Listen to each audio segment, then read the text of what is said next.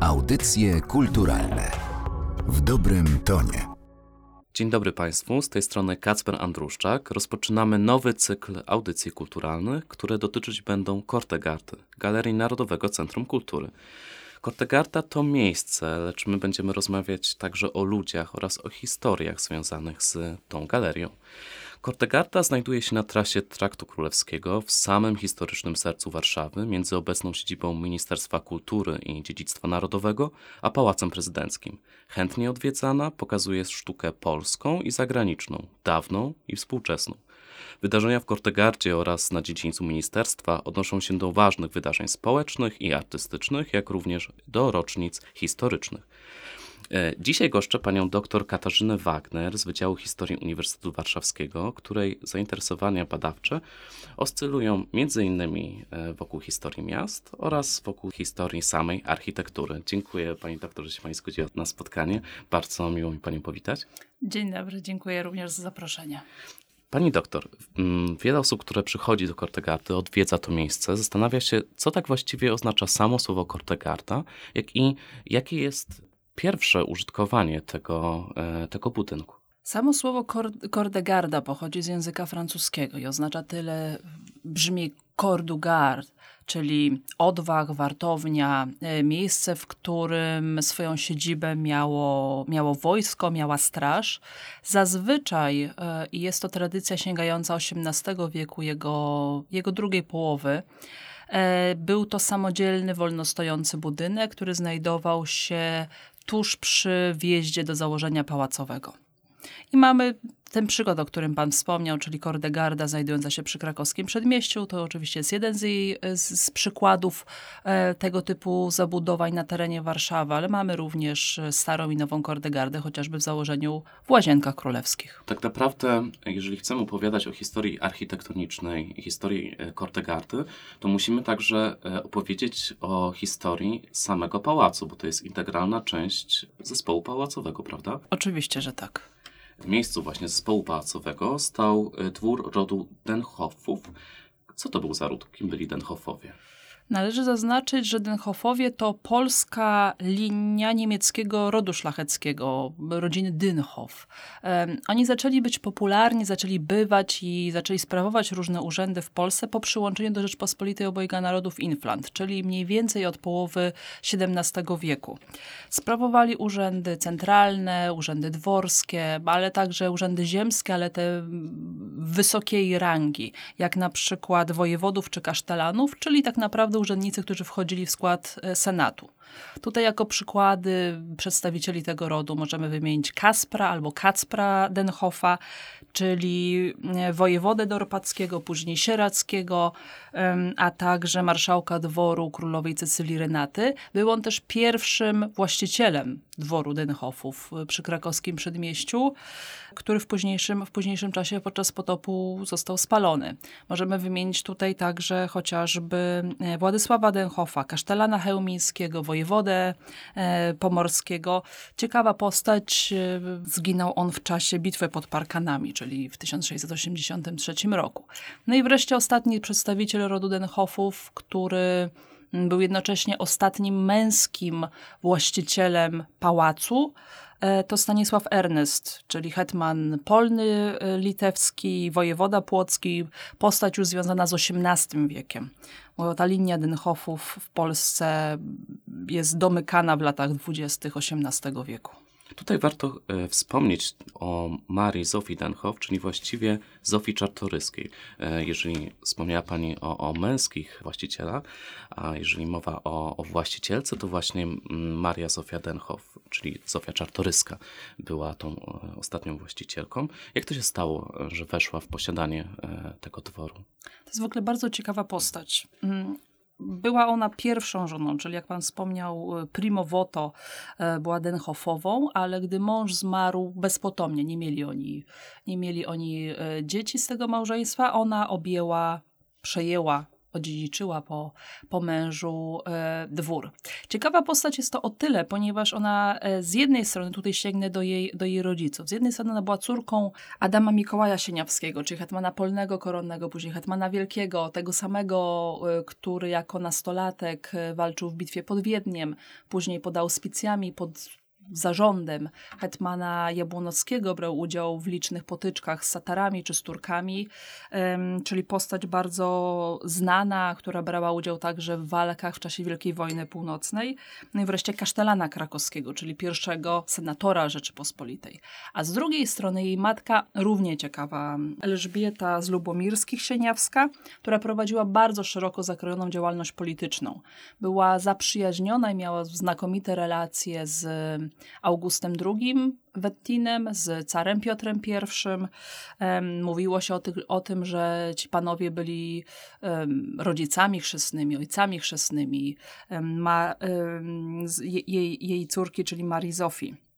Czyli mamy tutaj do czynienia z, z Marią Zofią, która była ustosunkowana poprzez rodziców z kluczowymi rodami, przedstawicielami kluczowych rodów w Rzeczpospolitej obojga narodów. Bo pamiętajmy, że przez Sieniawskich mm, to oczywiście te, ten zasięg był o wiele większy. To były kolejne, kolejne rody i rodziny.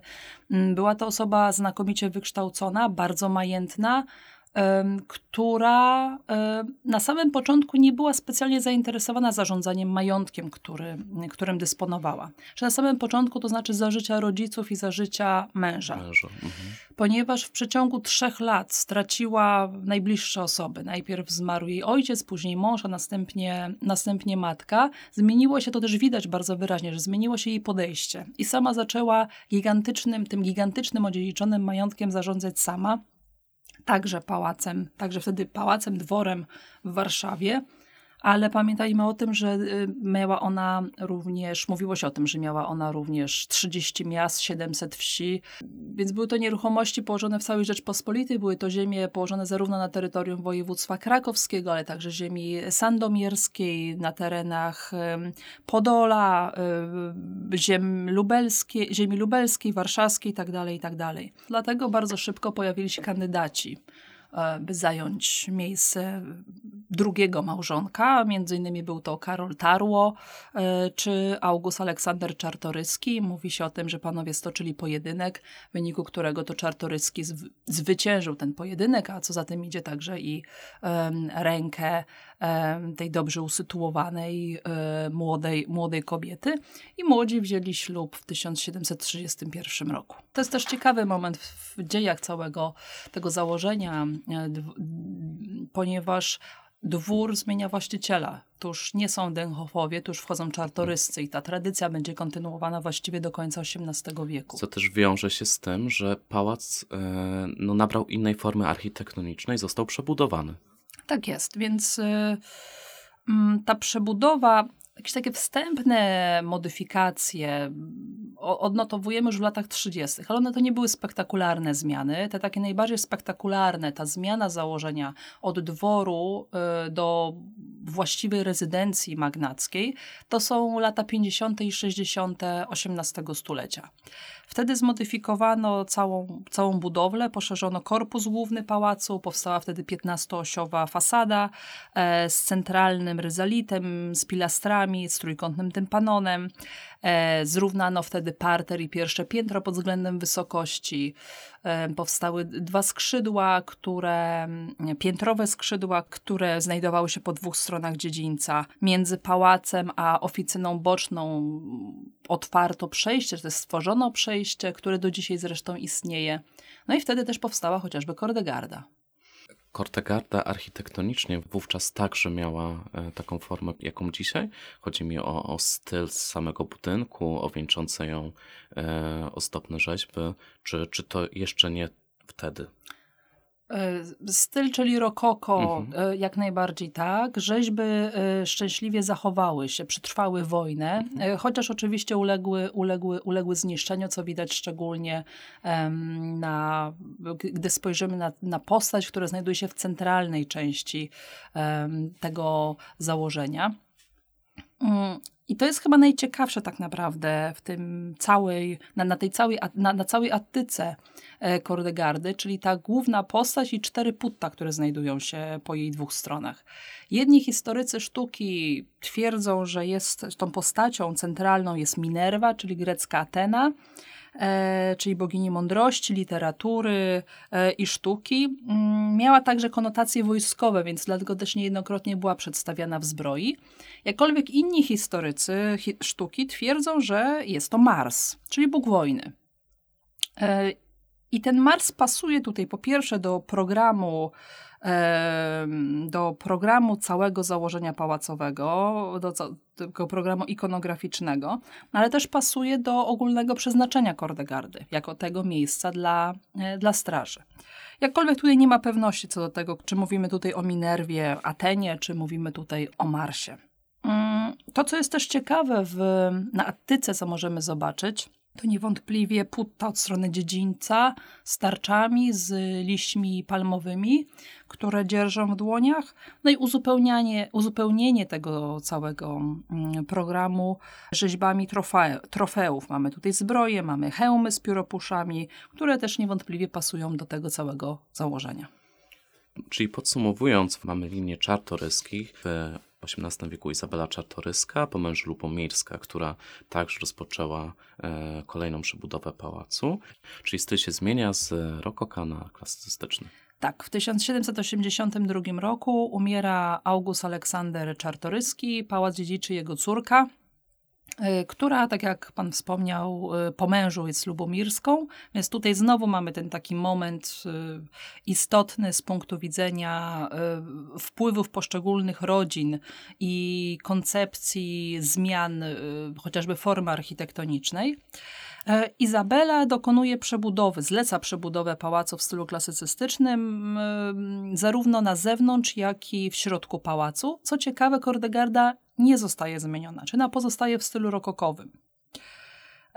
Pojawiają się w tym czasie chociażby we wnętrzach e, pałacu e, na przykład motywy pompejańskie z centaurami chociażby, czy też pojawiają się liczne obrazy na zewnątrz Izabela zleca dobudowanie portyków w stylu doryckim do tego środkowego ryzalitu.